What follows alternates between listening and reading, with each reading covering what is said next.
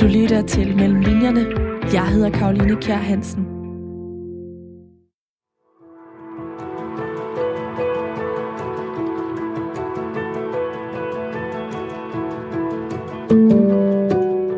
I et baghus på Vesterbro i København boede engang en lille pige, der hed Tove. Lejligheden hendes familie boede i, den var lille.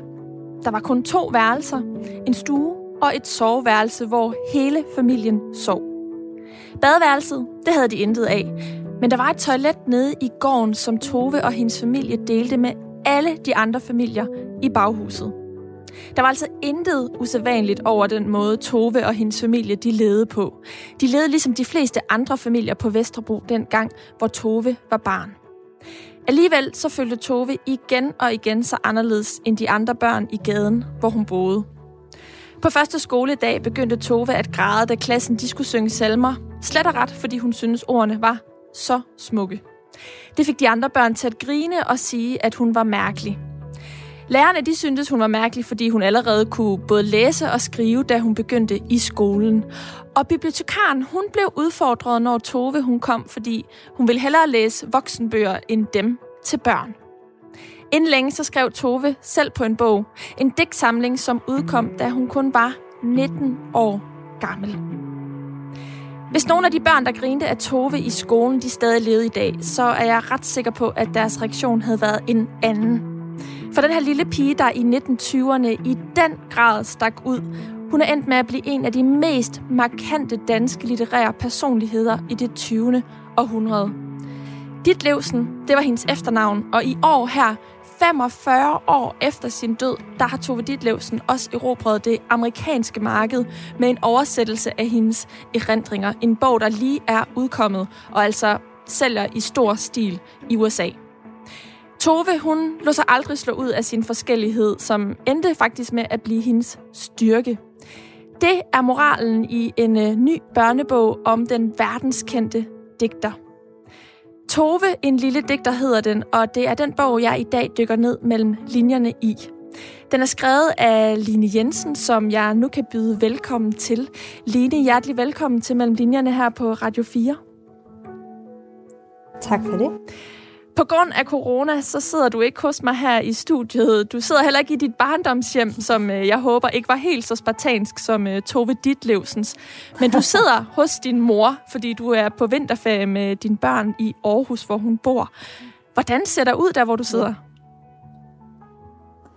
Jamen, øh, nu har jeg prøvet at få skanse mig i den aller bagerste stue. Min mor hun har faktisk flyttet lidt ud af Aarhus, efter jeg flyttede hjemmefra, så hun bor lidt ude på landet. Og så har hun øh, sådan to stuer med nogle lukkede døre, som jeg har sat mig ind bagved i en blå sofa.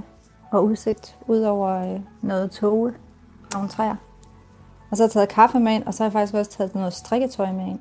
Ej, det lyder hyggeligt. Jeg sidder også med en, øh, kop kaffe, ja. og øh, hvis Jamen, dig, der lytter med, har tænker, lyst til det... det så hyggeligt, det her. Ja, hvis du, der lytter med, har lyst til at skænke en kop og drikke med os de næste 55 minutter, så vil jeg være rigtig glad for det. Jeg er i hvert fald rigtig glad for, at du, Line, vil være med her i programmet. Vi skal tale en masse om uh, din research til bogen Tove, en lille digter, fordi det her, det er programmet mellem linjerne, hvor jeg taler med nogle af Danmarks dygtigste forfattere om alle de forberedelser og oplevelser, som de har gjort sig og haft i uh, arbejdet med med bøgerne, og som altså ligger mellem linjerne i bøgerne. Tove, en lille digter, den har både indbefattet research i Tove Ditlevsens forfatterskab, som jeg selv er kæmpestor fan af, men øh, du har også researchet i den periode, som hun var barn i arbejdermiljøet i København omkring 1920'erne og 30'erne. Og det skal vi tale mere om, men allerførst så skal vi tale lidt om, hvordan bogen den overhovedet kom på tegnebrættet i bogstavelig forstand, kan jeg godt sige her, fordi du har også tegnet den. Ikke bare skrevet den, men også tegnet den.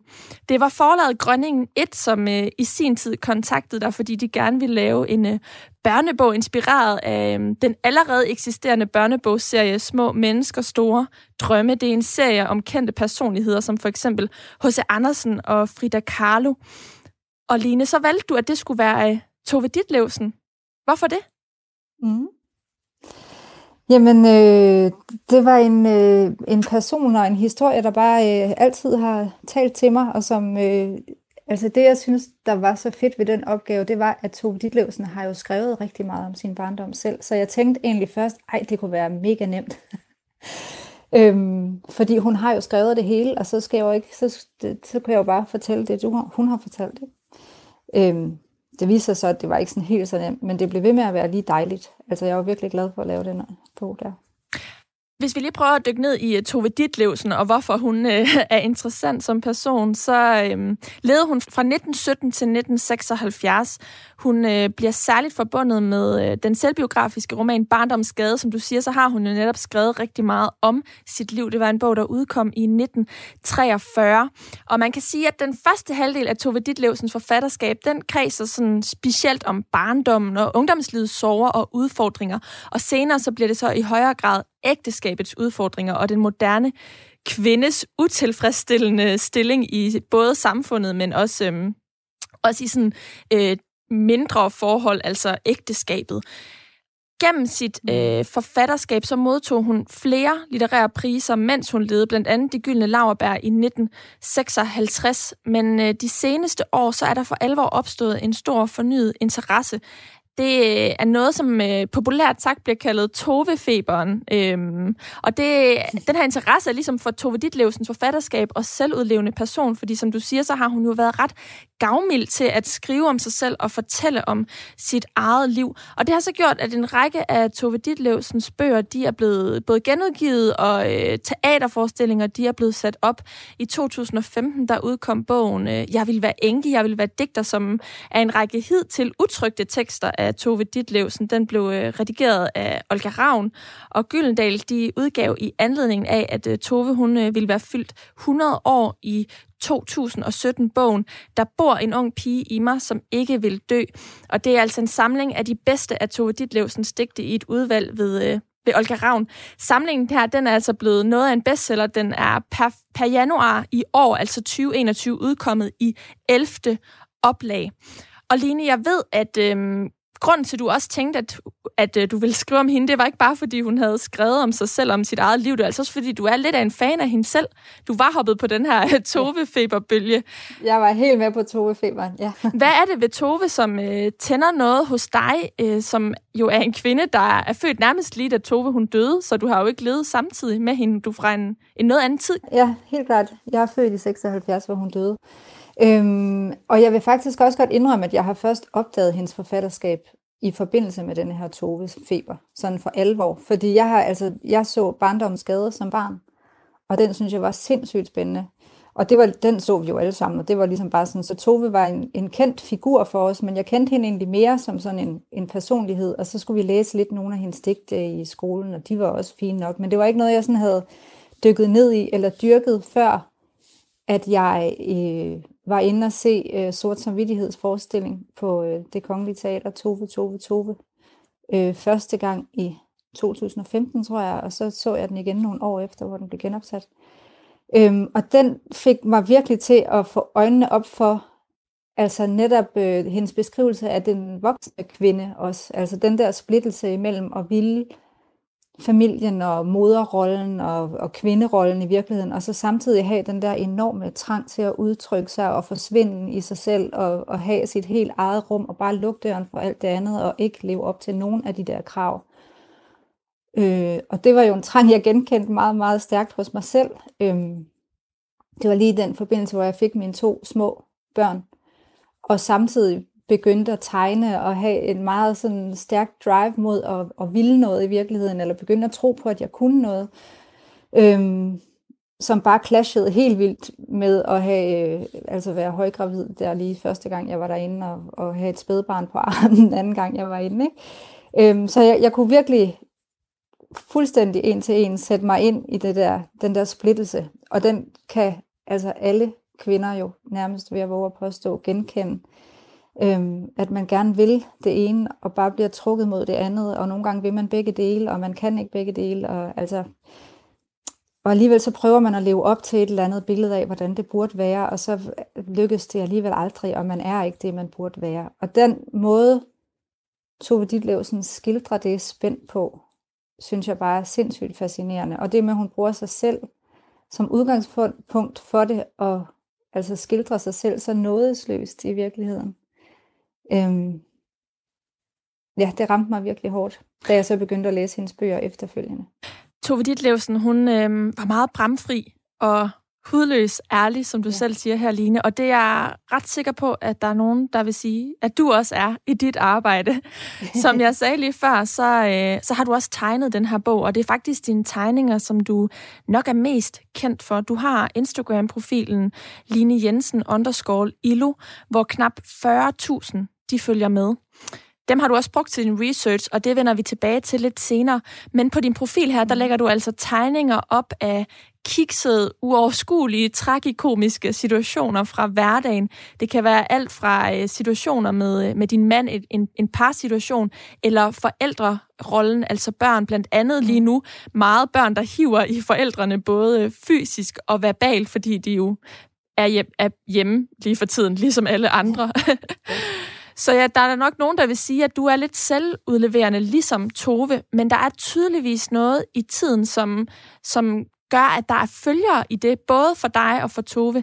Hvad tænker du, det er? Jamen, jeg tænker, at øh, altså, Tove havde jo også øh, utrolig mange følgere, hvis vi kan oversætte det til det, altså med sin brevkasse og sine bøger. Hun var jo mega populær i sin samtid også. Jeg tror altid, der har været brug for de der stemmer, der, der på en eller anden måde tør sige det, som det er, eller øh, ja, punktere lidt den der ballon af det der glansbillede, vi alle sammen prøver at leve op til. Og jeg vil ikke øh, sammenligne mig selv med Tove Ditlevsen på nogen måde, men, øh, men ja, det er nogle af de samme problematikker og sådan teknikker, jeg også bruger i mit arbejde. Men, men hvor øh, Altså, når jeg laver mine tegninger på Instagram, så er der selvfølgelig grænser for, hvor meget jeg kan sige, og hvor meget jeg kan gå i dybden med ting, og hvor meget jeg kan udlevere øh, min familie. Selvom der er nogen, der synes, det går tæt på, så synes jeg også, at jeg skåner dem rigtig meget og i virkeligheden skåner mig selv rigtig meget. Og det, det filter er jeg ikke sikker på, at Tove hun havde i samme grad. Øhm, der tror jeg, at hun gik planken ud sådan lidt mere konsekvent. Øhm, og så tror jeg også, at altså det der med, at hun skrev det i en bog, og alligevel havde sådan, altså et rum for sig selv, mens hun arbejdede på det og skrev det og sådan noget, før det kom ud, det gør måske, at man kan fortælle nogle andre ting, end, end man kan, når man sidder midt i det og lægger tegninger ud på Instagram hver dag. Men så vil jeg også sige, at, at jeg tror, at Toves bøger i samtiden blev modtaget sådan næsten lidt tabloidagtigt, fordi hun jo netop skrev om personer, der levede, og skrev om ægteskaber, hun var midt i, eller lige var kommet ud af, og og folk kendte alle de personer, hun skrev om. Hvor nu, på de der års afstand, der kan vi bedre begynde at forholde os til det som litteratur. Øh, og der kan man lige pludselig se, at hun jo også har været virkelig meget forud for sin tid på den måde, hun har skrevet autobiografi på, ikke? som er blevet en kæmpe ting nu. Der er jo rigtig mange, der bruger sig selv som romanfigur, men på det tidspunkt tror jeg, det har været usædvanligt på en anden måde, og måske også, øh, altså i lang tid havde hun jo sådan lidt det der mærke, at ja, det var bare sådan noget sladderagtigt noget, og noget lidt kvindeagtigt noget, og, og det var ikke sådan rigtig fint nok til de, til de øh, seje mænd. Men øh, hun har altid haft rigtig mange læsere. Og hun øh, lagde aldrig fingrene imellem, som du siger.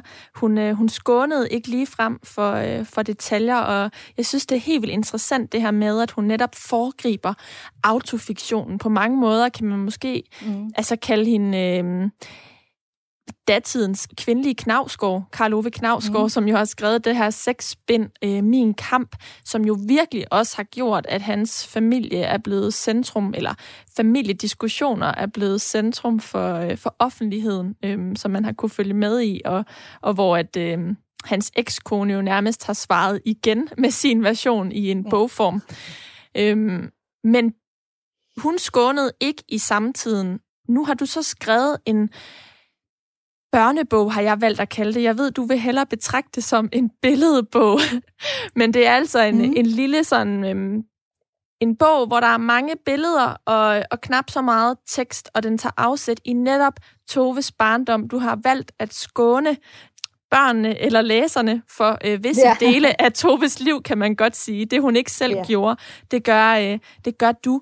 Hvorfor mener du, at børn de skal drages til Tove? Fordi hun havde også et øh, noget vildt liv. Altså, hun var gift fire gange, hun havde psykiske problemer, og hun endte faktisk med at begå selvmord. Og alligevel så er der noget i hende som karakter, du synes er relevant for, for de yngre læsere.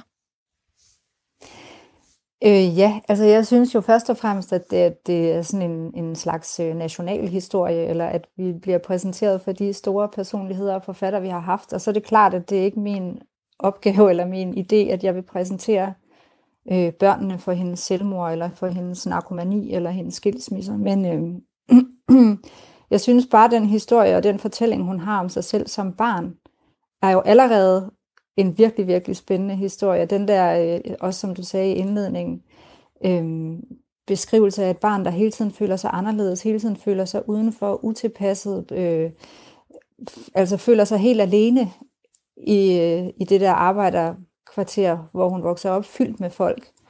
Øhm, og hele tiden får at vide, at hun ikke skal tro, hun er noget, og at nu skal, nu skal hun ikke være underlig igen, og hvem, hvem vil hun så egentlig ind, hun er. Og så er det alt det der, der gør hende mærkelig som barn, som i virkeligheden gør hende til noget rigtig, rigtig stort, når hun endelig kommer ud af det. Den historie, synes jeg er vigtig at fortælle børn, og spændende at fortælle, ikke? Men, øh, men det er klart, at det var ikke uden omkostninger. Altså jeg kan jo godt slippe afsted med i min bog og sige sådan, og så blev hun en berømt digter, og så fandt hun ligesom sin rigtige hylde, og så kan bogen slutte på en positiv note. Men dem, der kender to Ditlevsens liv og senere forfatterskab, de ved jo godt, at det var jo ikke øh, en happy ending nødvendigvis. Det var jo en livslang kamp. Den der splittelse også med at være, være tro mod, hvor man kommer fra, og så alligevel prøve at begå sig i nogle andre kredse. Tove, hun havde tydeligvis øh, særlige evner inden for ordets, hun havde virkelig ordet i sin magt, både i forhold til at kunne læse og kunne skrive selv. Men den her følelse af netop at føle sig anderledes, eller forskellig, eller mærkelig, forskellig fra fællesskabet, tænker jeg også, alle måske kan gå rundt med før eller siden, og netop mm. fordi hun ikke lod sig begrænse af den, hun ikke ligesom lyttede for meget til følelsen, men, men på mange måder skubbede den til side. Hun, hun mærkede jo, at den var der. Øhm, en af de første sætninger i din bog er også, at hun følte sig altid anderledes end dem, hun netop boede på gaden med. Så hun anerkendte jo også følelsens tilstedeværelse, men hun lod sig jo ikke begrænse af den. Er det den, den egenskab ved hende, du gerne vil fremhæve med bogen? Øhm, ja, altså det, det, øh, det synes jeg er en vigtig pointe i min bog. Men jeg vil også sige, at det er jo, øh, det er jo i høj grad Toves egen fortælling om barndommen. Ikke? Fordi at, øh, det er også noget med, at der er lavet grundforskning i Toves barndom og liv, som siger, at hun var også glad og vandt svømmestævninger stævner, og alle drengene var forelsket i hende. Og, altså det kan jo sagtens ske, at Tove har været barn på alle mulige forskellige måder. Men det her, det er den historie, hun selv fortæller om sin barndom. Ikke?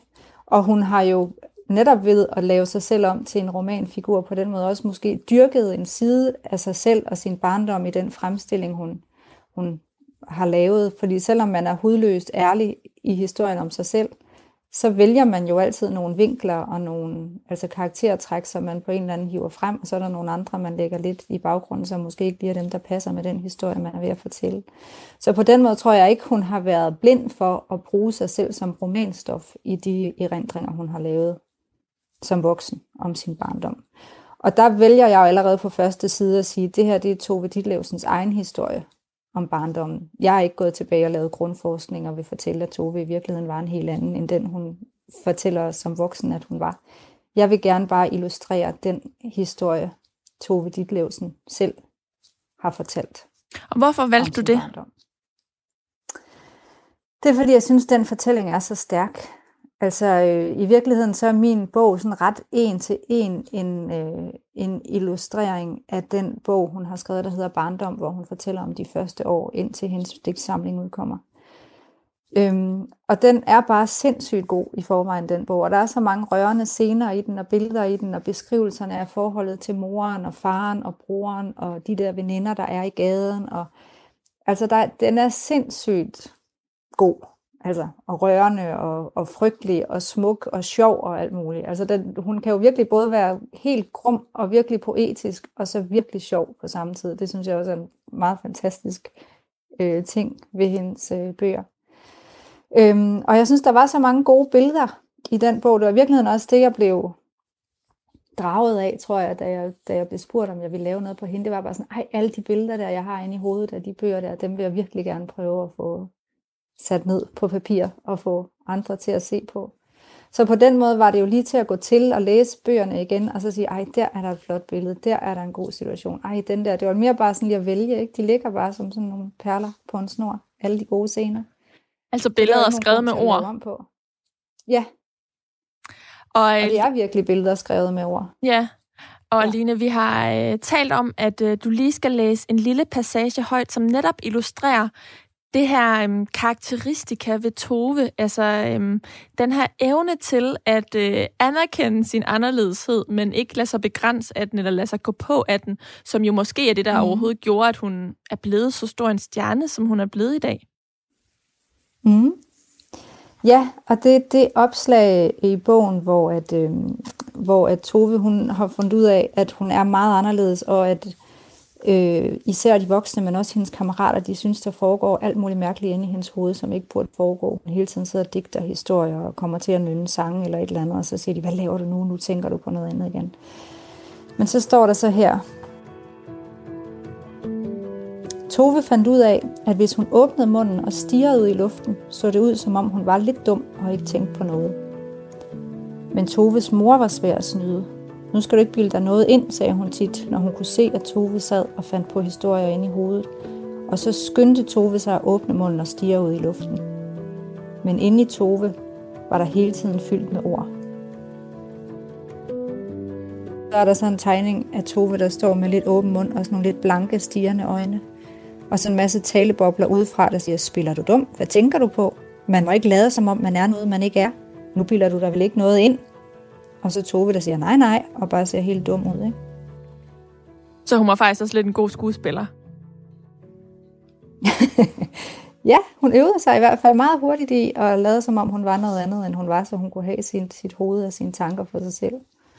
Jeg fandt ud af, at det var det, der var hendes, øh, hendes overlevelsesstrategi. Og også det der med, at det var bedre at være lidt dum, og de andre synes, at hende der, hun er sgu ikke for kvik, og så lod de hende være i fred. Det ville hun hellere have.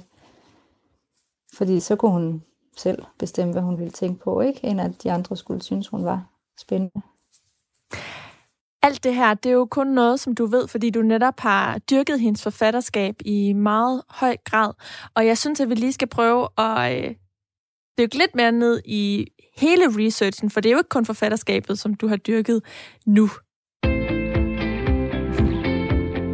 Du lytter til Mellem Linjerne. Jeg hedder Karoline Kjær Hansen.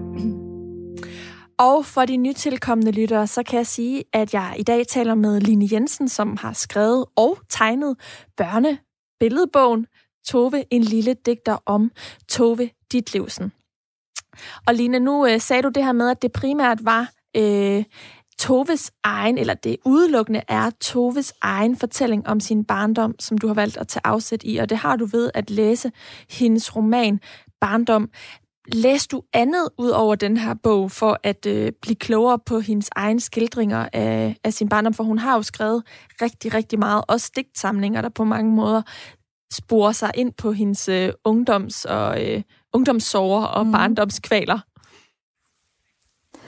Ja, altså for eksempel den bog, du også nævnte i øh, indledningen, der bor en ung pige i mig, som ikke vil dø digtsamling der, som Olga Ravn redigerede, den har jeg også læst forfra og bagfra, og faktisk bruger jeg jo også flere af digtene sådan undervejs i bogen til at kommentere på noget af det, der sker i historien. Øhm, og så læste jeg jo, har jeg læst videre i hendes erindringer, så jeg ligesom er kommet længere op i hendes liv og sådan noget, men det er så noget, jeg mere bruger som baggrundsviden, og ikke noget, jeg bruger sådan for selve historien. Og i virkeligheden, så havde jeg egentlig også sådan et idé om, at jeg skulle heller ikke vide alt for meget, altså netop fordi, at jeg skulle ikke så langt væk fra den historie, hun selv fortalte, at jeg begyndte at ville have alle mulige andre detaljer på. Jeg ville egentlig godt sådan ret meget holde mig til den historie, jeg havde bestemt, det skulle være fra starten. Men det er klart, at jeg har siddet og googlet alt muligt og søgt på alle mulige sider, og, altså om hendes eget liv. ikke. Øhm, og så var det så også ret sent, i processen, da jeg egentlig havde skrevet hele bogen igennem, og var ret klar til at sende den til tryk, at jeg kom i tanke om, at jeg lige ville sende den forbi Johanne Mygen, som i en bisætning engang havde fortalt mig, at hun var Tove Ditlevsen ekspert. Og hun havde så også alle mulige gode øh, kommentarer, som jeg så gjorde, at jeg blev nødt til at lave hele bogen om. Så altså på den måde, så har jeg da sådan undersøgt sagen af nogle omgange, synes jeg. Og så har jeg jo så også, som du også siger, øh, researchet en del på perioden, fordi så snart, altså en ting er, at jeg har nogle billeder i hovedet af, hvordan det så ud hjemme hos Tove Ditlevsen, men når det skal tegnes, så bliver det jo alligevel nødt til at være sådan nogenlunde, ikke præcist, men alligevel sådan troværdigt i forhold til, at det også er en, en tidsperiode, jeg gerne ville formidle og skildre, ikke? fordi det var også en vigtig del af bogen, synes jeg. Ja, lad os prøve at, at dykke lidt... liv, der udspillede sig. Lad os prøve at dykke lidt mm. ned i det, fordi at øh, du har sagt, du tegnede faktisk tegningerne, før du skrev teksten, og den måde, som du researchede mm. i den her periode på, det var blandt andet ved at tage på Arbejdernes Museum. Hvorfor var det lige der, du tog mm. hen for at blive klogere på den her periode? Jamen, det var lige præcis, fordi jeg havde brug for noget sådan helt øh, visuelt øh, input til, hvordan gik folk klædt, hvordan øh, så deres øh, lejligheder ud, hvordan så deres aviser ud, hvordan, altså prøvede sådan at, at komme helt ind i den stemning af, hvordan det liv har været, og der arbejder museet i København jo et fantastisk museum på mange måder. Øh, jeg kunne godt huske, at jeg havde været derinde før, og også synes, det var spændende. Jeg vidste faktisk ikke sådan lige helt præcis, om der var noget fra lige den periode, men øh, så tog jeg der ind en dag, hvor der var helt tomt for mennesker her i, i foråret, mens der var corona stadig, men man måtte godt komme ind. Og så var jeg så heldig at møde en øh, omviser, som jeg kunne spørge, om de havde noget fra den periode. Og han viste mig op til sådan en, en gammel lejlighed, de har stående, som var blevet doneret til museet, jeg tror det var i 1989, fra en gammel dame, der havde boet i sin forældres hjem, siden hun var øh, ja, født. Ikke? Så det var sådan et, et hjem, der var indrettet i starten af 1900-tallet, og som så ikke var blevet rørt. Han sagde sådan, det eneste, der er blevet tilført undervejs, det er, at de har fået nye gardiner, og der står en transistorradio på bordet. Og den ville selvfølgelig ikke have stået der i øh, 1917-18, hvor to de blev, som blev født. Ikke? Men ellers så var der et køkken med en høkasse og et brændekomfur, altså, og sådan noget, som jeg har brug for, det var jo noget med at vide, hvordan ser en vandhane ud, hvordan ser en køkkenvask ud, hvad for nogle gryder har de, hvad for nogle, øh, hvordan hænger deres tallerkener op på væggen, altså, og sådan nogle detaljer var jeg inde og fotografere og notere mig og tegne skitser af, og, og sådan suge en hel masse billeder til mig, hvordan så deres øh, divanen ud. Og der var han også super god til at sige, så var det meget typisk, at der havde man skænken på den ene væg, og divanen på den anden væg, og så var der bordet i midten, og så var der... Og det kunne jeg jo fuldstændig holde sammen med den beskrivelse, Tove selv har givet i sine bøger med, med stuen og divanen, hvor storebroren sov, og billederne over sofaen. Og, øhm, så det gav fuldstændig mening. Og det, øh, det tog jeg med hjem og tegnede ud fra. Og så var der rigtig meget af det, som jeg endte med ikke at bruge, men det var bare sådan en, en god måde at komme ind i, i stemningen på. Og så igen, så sad jeg også og ledte efter en hel masse billeder, både af Tove, der findes ikke særlig mange billeder af Tove som barn, naturligvis, for de har ikke haft råd til at gå til fotograf, men af børn i 30'erne, skolebørn i 30'erne, hvordan ser deres frisyrer ud, hvordan ser deres hår ud, hvordan, eller ja, deres tøj, og hvordan ser det ud om vinteren, når de frøs, og øhm, sådan noget. Det og hvorfor... Øhm. Og det har været rigtig spændende. Hvorfor var det vigtigt for dig at øh, skildre billedsiden meget sådan troværdigt, autentisk, når at du øh, valgte at fokusere på Toves sådan, nu siger jeg fiktiv skildring af sin barndom. Det var det selvfølgelig ikke, men det er jo romaner, vi har med at gøre, og du valgte jo netop selvom du ved en masse andet om hende, også øh, at se bort fra, fra den her forskning i hendes liv. Så hvorfor var det vigtigt, mm. at, mhm. at billedsiden havde den her øh, virkelighedsnærhed, mens øh, historien var udelukkende fastholdt til, til Toves fortælling? Jamen, jeg tror, det er fordi, at det er en af de ting, jeg også selv var utrolig fascineret af som barn, ved at høre, altså ved at se barndommens gade og, og høre historier fra andre tider i virkeligheden. Jeg har altid synes det var sindssygt spændende at høre om, om mennesker, der har levet hverdagsliv på andre tidspunkter, og som barn synes jeg, det var rigtig spændende at høre om børn, der havde været børn på andre tidspunkter. Øhm, og i Toves øh, bøger er det jo bare sådan et naturligt baggrundstæppe, at verden så sådan ud, som den gjorde. Men for mig, som ikke har levet på det tidspunkt, blev jeg nødt til at sætte mig alvorligt ind i, hvordan skulle det se ud? Og så i virkeligheden, når det så kom til stykket, er det jo ikke fordi, jeg har siddet og gjort mig umage for at gengive naturalistisk, hvordan en baggård så ud, eller hvordan en stue så ud, men jeg har ligesom taget elementer af det, og så ført de ind i det her sådan lidt mere øh, naivistiske, flade 2D tegnestil, som jeg selv kører. Ikke? Så det var noget med at vælge nogle ting ud, som jeg kunne bruge. Altså jeg brugte for eksempel også to dage på at undersøge, hvordan vandhaner så ud, og så endte jeg med at hive den tegning ud, hvor moren stod og vaskede op med vandhanen. Så det er jo heller ikke, fordi jeg har brugt alt, men det har bare været øh, vigtigt for mig selv at komme ind i det. Og så, og så har jeg også sådan skulle afveje undervejs, hvor, hvor langt skulle jeg gå ud af den, og hvor vigtigt skulle det være, at det var fuldstændig korrekt, og hvor, altså, og hvor meget kunne jeg sige, ja, jamen, det er også bare en historie. Ikke? Det var sådan en blanding. Line, nu nævner du netop selv din uh, tegnestil. Det er helt vildt spændende at høre om, hvordan du har brugt meget tid på research til billedsiden. Fordi når man kigger i bogen, så uh, dine tegninger generelt, også hvis man går ind på din Instagram-profil, så er din stil jo netop meget naivistisk. Altså, den er slet ikke sådan detaljerig eller øh, virkelighedstro. Og der er nogen, der, der har beskrevet den i artikler som, som sådan lidt en barnlig stil, øhm, eller at den er tegnet med venstre hånd. Og det er jo faktisk også øh, tilfældet i begyndelsen, fordi du begyndte med at tegne, da du var på barsel, og øh, var, du sad og ammede, så du kunne ikke tegne med din højre hånd, så du begyndte på din venstre hånd, og det er altså nærmest blevet sådan en... Øh, ja, meget sådan øh, typisk karakteriserende for din stil. Hvordan vil du selv beskrive din stil? Jamen det synes jeg lyder meget rigtigt, alt det du siger der.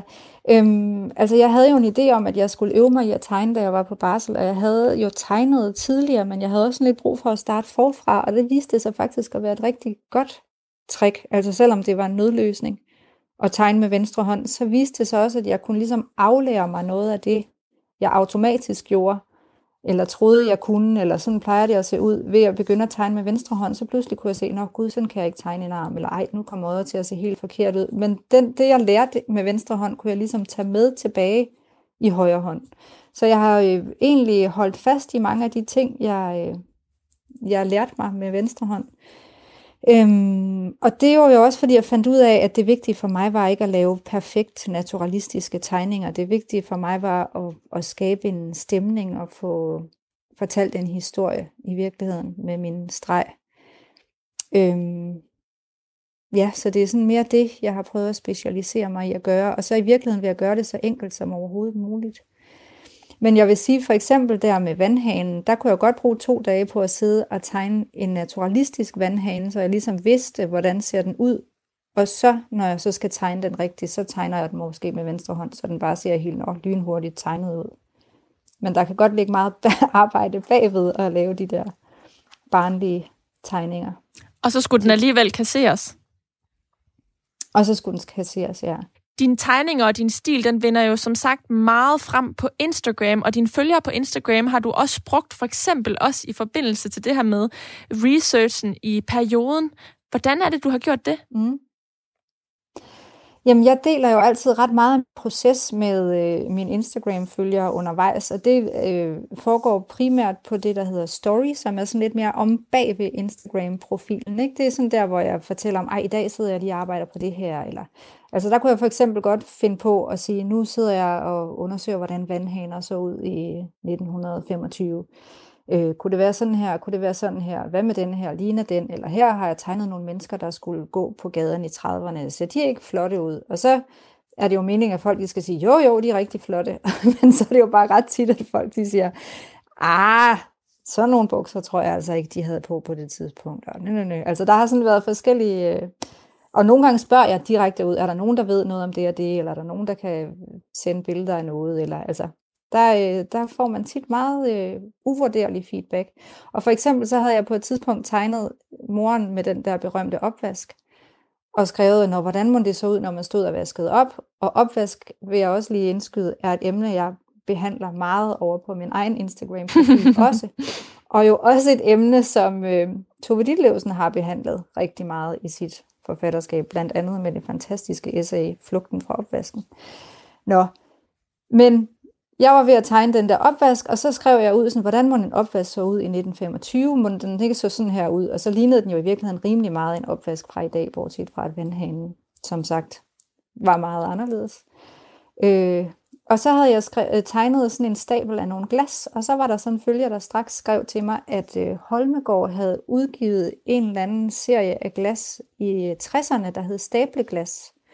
Og det måtte jo gå ud fra, at før det, der staplede man ikke glas, at det ligesom var en ny feature, at man kunne få nogle glas, der kunne staples. Så derfor så troede hun altså ikke, at man kunne have stablet glas i 1925. Og det synes jeg var en god pointe. Og efter det, så tegnede jeg ingen staplede glas i Tove Ditlevsens mors opvask. Det er nogle kloge følger, du har. For eksempel. Ja, det er nemlig nogle sindssygt kloge følger, jeg har, og de er tit meget klogere end mig. Og på et andet tidspunkt, der havde jeg lavet en tegning af Tove Ditlevsen som gammel, og så havde jeg sagt, hvem tror I det her er? Og så var der en, der skrev, er det Ellen Hillingsø? Og så først blev jeg sådan et, ej okay, helt ærligt, selvfølgelig er det ikke Ellen Hillingsø. Men så omvendt måtte jeg jo også se, okay, hvis der er nogen, der tror, det er Ellen Hillingsø, så må jeg måske prøve igen. Fordi godt nok så var det ikke vigtigt for mig, at det sådan ligner fuldstændig naturalistisk, men på den anden side, det må godt minde lidt om, ikke? Men Line, øhm, den her opvaske, opvaskescene er ikke det eneste, som du valgte at tage ud af fortællingen, efter du havde skrevet den. Øhm, du blev også klogere af at genlæse Barndom, som altså er den bog, Tove har skrevet, der, øh, der ligger til grund for rigtig meget af den her, øhm, den her billedbog. Jeg skal lige notere, at øh, du har jo altså også nogle digte med, blandt andet øh, et mm. lille uddrag fra digtet Umoralsk Vise og Så tag mit hjerte, så du har altså også øh, boldtræet dig i hendes øvrige forfatterskab. Men hvad var det helt præcis, mm. som du valgte at sløjfe øh, ved at genlæse barndom og blive ved med at læse den og læse den på ny? Jamen, det var jo det der med, at når jeg så lige havde fået et billede i hovedet, så prøvede jeg egentlig at tegne sådan lidt frit ud fra følelsen, eller altså den historie, jeg gerne ville fortælle. Og når jeg så gik tilbage og genlæste scenen igen, så stod der måske nogle konkrete ting, som alligevel var så afgørende, at jeg tænkte, nej, okay. Så, altså for eksempel er der en scene i bogen, hvor at lille Tove Ditlevsen, hun sidder i vindueskarmen inde på soveværelset og kigger ud af vinduet, og så kan hun lige skimte en, en venlig stjerne, som hun skriver, imellem nogle af hustagene. Øhm, og det havde jeg fået tegnet til, at det var sådan noget, hun sad og gjorde, efter at hendes forældre var gået i seng. Og så havde jeg også tegnet en køjeseng, hvor hendes bror lå og sov. Det var fordi, det var sådan ligesom det billede, jeg havde fået i hovedet, da jeg læste det. Men da jeg så gik tilbage og læste scenen igen, så kunne jeg godt se, at når det var noget med, at hun var blevet puttet, og forældrene sad inde i stuen stadigvæk. Og i øvrigt var det også i den periode, hvor hendes bror Edvin sov på sofaen inde i stuen, og måske var køjesengen faktisk slet ikke opfundet.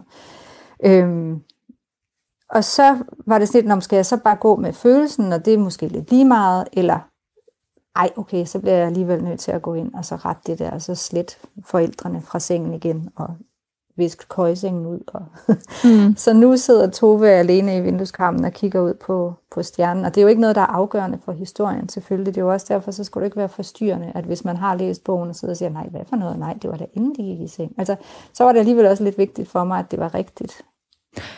Men det var alligevel en proces, der tog tid at beslutte at gå tilbage og ændre det, så du ikke bare gik med din første indskydelse. Ja, og så en anden ting, jeg er lidt utilfreds med ved det her opslag, det er, at, øh, at sådan som, som Tove beskriver værelset, så er det meget, meget smalt, og der er meget lidt plads mellem hendes seng og forældrenes seng, og på gulvet ligger der en stor bunke af tøj øh, øh, som hun er lidt bange for faktisk, fordi hun synes, den ligner sådan lidt et uhyre i mørket, og hun er bange for, at den, den kan bevæge sig. Så hun kan godt ligge i, i sin seng og blive bange i det der mellemrum, før hun skal sove. Men, men for at få plads til teksten, og for at få det til at plads, passe med, en, med et opslag i bogen, der bliver jeg nødt til at, at give, det, give det lidt mere plads imellem hendes seng og forældrenes seng. Så nu virkelig ligner det faktisk, at det er sådan et ret stort soveværelse, de har. Altså på grund af det formatet, bogens formatstørrelse? Ja. ja, og at der skal jo være plads til noget tekst. Ja. Altså jeg kan jo ikke skrive teksten ind over sengen og tegningerne. Der skal jo ligesom have lidt luft. Så det er sådan et, nogle kompromiser, jeg har måttet gå på, men hvor jeg er sådan lidt, ah, hvis det bare skulle være en tegning af deres værelse, så skulle det jo have været meget mindre. Men nu er det blevet sådan her. Så håber jeg, at det, at teksten så fylder den der luft, det gør, at det alligevel ser sådan lidt tæt og klemt ud. På tekstsiden har du i hvert fald også gjort et øh, kompromis. Du har jo valgt øh, at øh, gå udenom Toves voksenliv. Du begynder med, at hun er gammel og sidder og skriver, og at hun skriver om sin øh, barndom. Det er det allerførste opslag, den første side af bogen. Og så går man ellers springer man i tid, går tilbage og følger hende som barn op til, at hun bliver, øh, bliver øh, debutant, altså debuterer som forfatter. Og dernæst, så skal, jeg synes lige, vi skal prøve at høre, hvordan du så vælger at slutte romanen, fordi du vælger jo netop at gå på kompromis med hendes øvrige fortælling. Og vi skal altså lige nå at runde det bagefter, men først så synes jeg lige, vi skal høre, hvordan det rent faktisk lyder i bogen.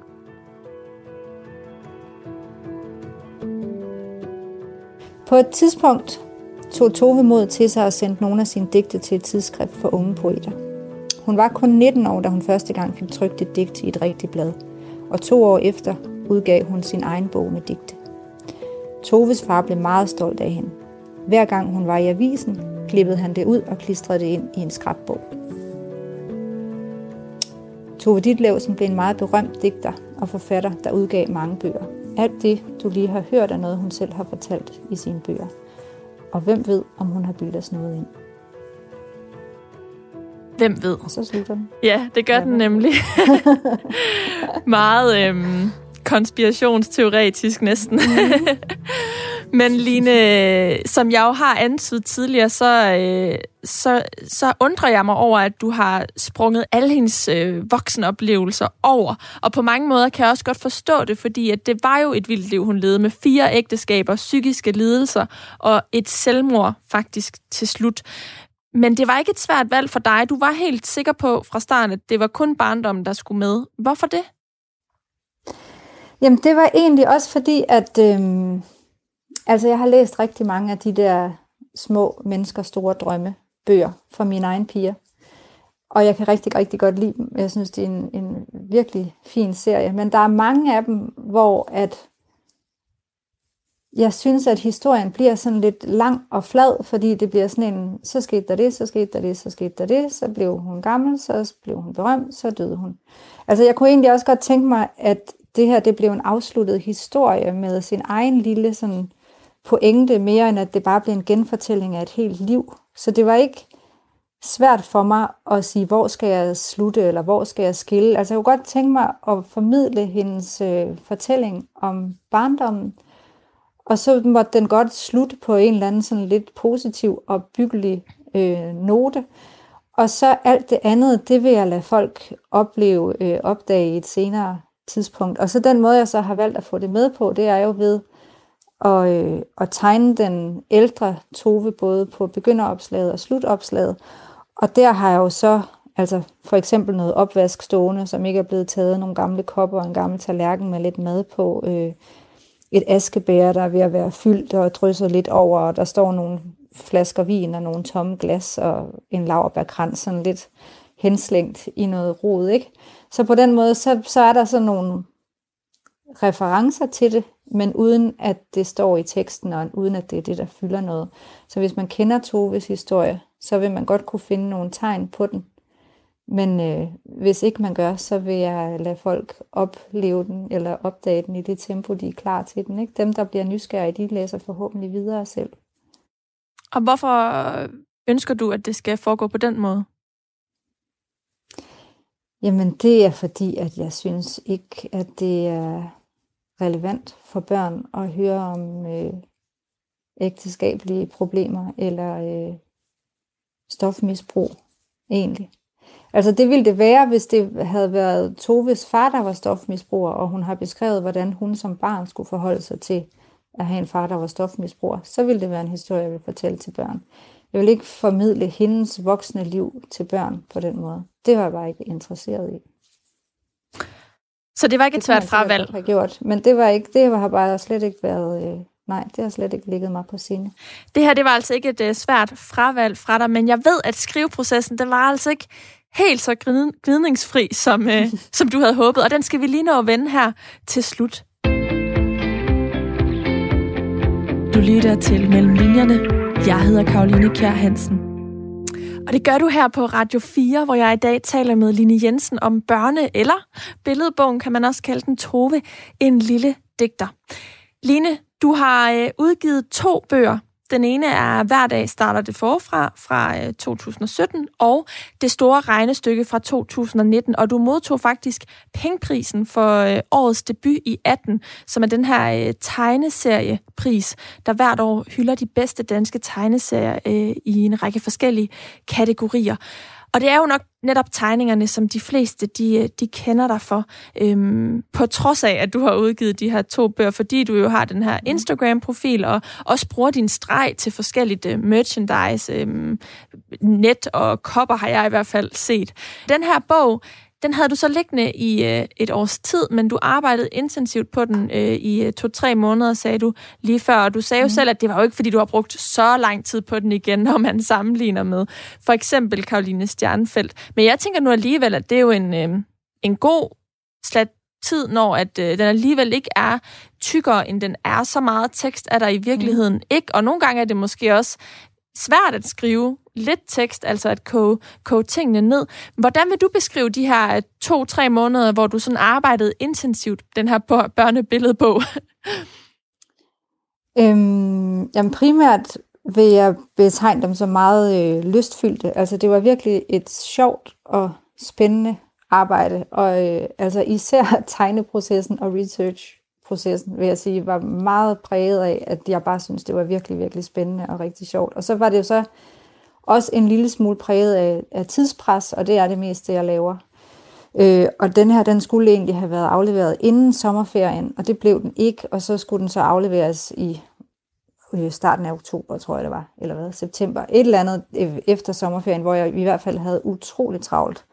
Øh, så derfor så, så blev den også mere intens og komprimeret måske, end jeg lige havde tænkt, fordi jeg blev nødt til at arbejde rigtig øh, meget, også om aftenen og om natten, og øh, altså sådan flere dage i træk.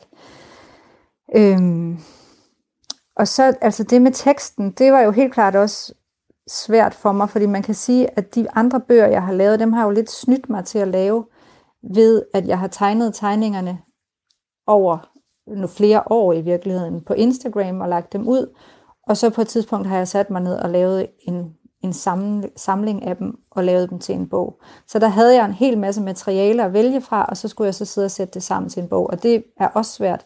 Men det her med at lave en historie forfra, hvor jeg startede et sted og skulle et sted hen og skulle slutte et sted, det er i virkeligheden en helt ny proces for mig, som jeg ikke har prøvet før. Og det gælder jo både med tegningerne og med, og med teksten. Øhm, og så startede jeg som sagt med tegningerne, måske i virkeligheden, fordi at det var det, jeg sådan mest umiddelbart havde lyst til at gå i gang med at undersøge, og så, så var det ligesom det, der blev historien.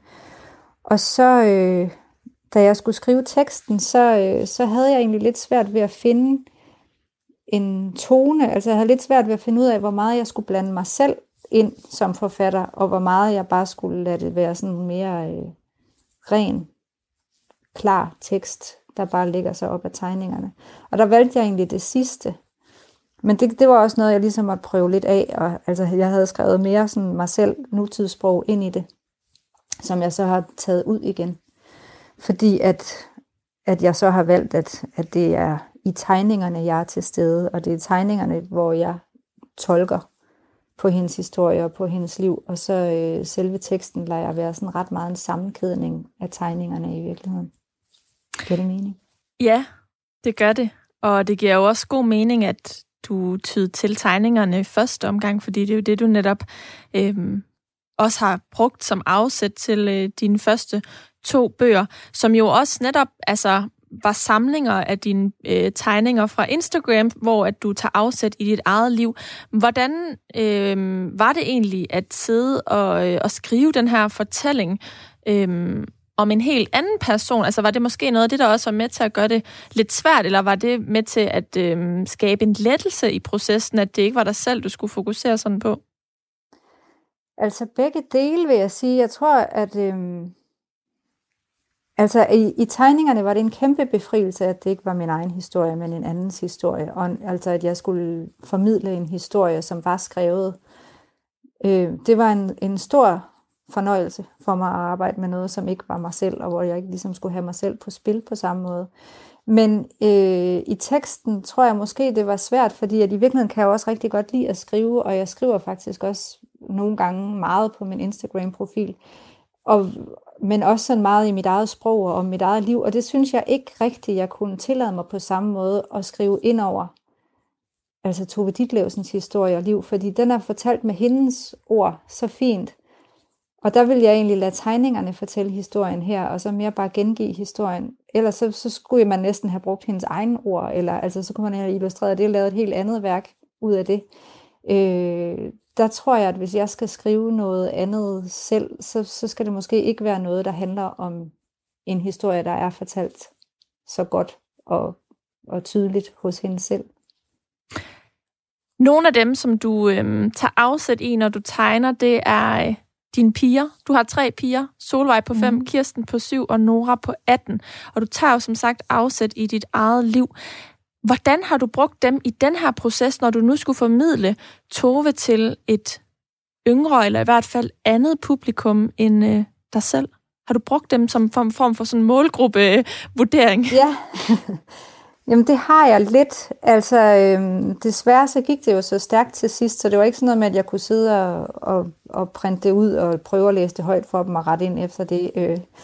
Men, men til gengæld så sad jeg en gang imellem og arbejdede lidt på det ved, ved spisebordet, inden vi skulle spise, og så kiggede de mig lidt over skulderen. Og, altså især Nora, min store pige, hun har, øh, hun har set tegningerne undervejs, og også set historien undervejs, og hun er altid sindssygt skarp til lige at sige, ej, hvorfor gør du det der? Det der giver overhovedet ikke nogen mening, og der synes jeg, hun er virkelig anderledes end der, og hvorfor gør du sådan der? Og, altså, så hun, øh, hun er altid god til at påpege fejl og mangler.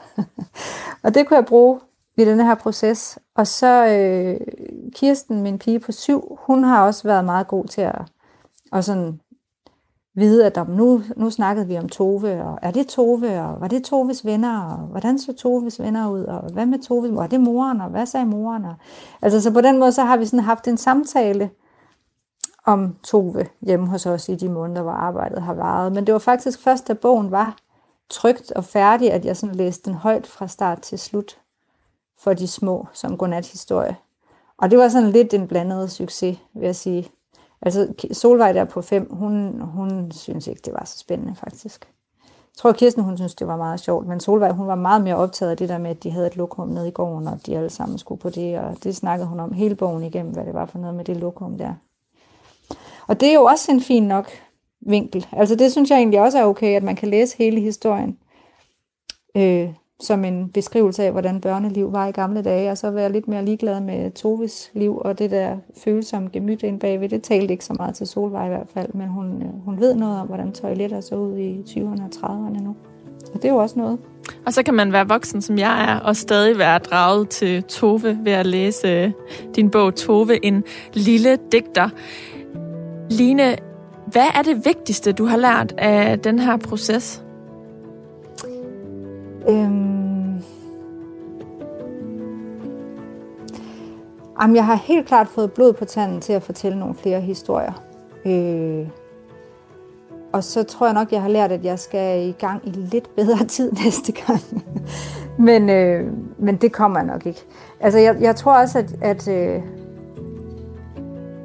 jeg er, også, jeg er også blevet virkelig øh, positivt overrasket over, hvor god modtagelse den har fået. Altså det er jo altid helt vildt spændende, når man sidder og arbejder på noget derhjemme og roder med noget, og ligner det Tove, eller ligner det ikke, og hvordan ser en vandhane ud, og hvordan hænger historien sammen, og skal den her side komme før den anden, og ny, ny, ny. Og så roder man med sådan noget, hvordan skal farverne være, og så sender man det afsted, og så tænker man, pyha, nu blev den færdig, nu blev den så god, som den kunne blive. Men så den respons, jeg så har fået fra, fra folk, der har sendt mig billeder af deres øh, børn, der sidder og tegner efter bogen, eller altså små piger, der siger, jeg vil også være digter, ligesom Tove. Og, altså sådan, jeg, den, altså, jeg, jeg har virkelig fået nogle rørende tilbagemeldinger, faktisk både fra børn og fra voksne. Det er også derfor, at det, i starten kaldte jeg det også en børnebog, men jeg er mere sådan begyndt at kalde det en billedbog, fordi jeg har fundet ud af, at der også er rigtig mange voksne, der har læst den og fået noget ud af at læse den. Og det der med, at den rammer noget hos nogen, synes jeg jo er helt vildt rørende og øh, fantastisk. Og det har, øh, det har jeg nok også lært noget af, at det, det skal jeg tro lidt mere på, at det, det kan det godt, når man fortæller en historie på den her måde. Jeg håber, at det er noget, som øh, du vil tage med i øh, den næste bog, som du forhåbentlig skriver, fordi den her bog, Tove, en lille digter, har som sagt også ramt noget hos mig. Jeg har været meget glad for at læse den, og den har givet mig nye facetter og forståelser af Tove Ditlevsens liv. Og derfor så vil jeg sige tusind tak, Line Jensen, fordi du har skrevet den, og også fordi du vil være med her imellem linjerne på Radio 4 i dag. Selv tak. Og jeg vil også sige tusind tak til dig, der har øh, lyttet med. Du har lyttet til Mellem Linjerne. Programmet, hvor jeg taler med nogle af Danmarks dygtigste forfattere om alle de forberedelser og oplevelser, der ligger før deres bøger de kunne skrives. Alt det research-arbejde, som de har været ude i, og som ligger mellem linjerne i deres bøger. Du kan finde hele programmet her som podcast på radio4.dk i vores app eller i din foretrukne podcast-app. Hvis du lytter til programmet i iTunes, så tøv ikke med at give det en anmeldelse, fordi så ved jeg, om du, der lytter med, synes programmet det udvikler sig i den rigtige retning, eller ej. Du er også altid velkommen til at skrive til mig på mailen. Den lyder mellem linjerne snablag radio4.dk. Linjerne det er med et j. Her kan du både komme med ris eller ros, og meget gerne også ønsker til forfattere, hvis research I vil høre mere om. Mailen den er som sagt mellem linjerne snablag radio4.dk. Linjerne den er med et j. Og der er altså ingen grænser for, hvem man kan ønske. Alt fra tegneserieforfattere til børnebogsforfattere til romanforfattere, krimi, autofiktion, noveller. Kom endelig med jeres bud. Jeg lytter til dem. Mit navn er Karoline Kjær Hansen, og jeg håber, I bliver ved med at lytte til mig.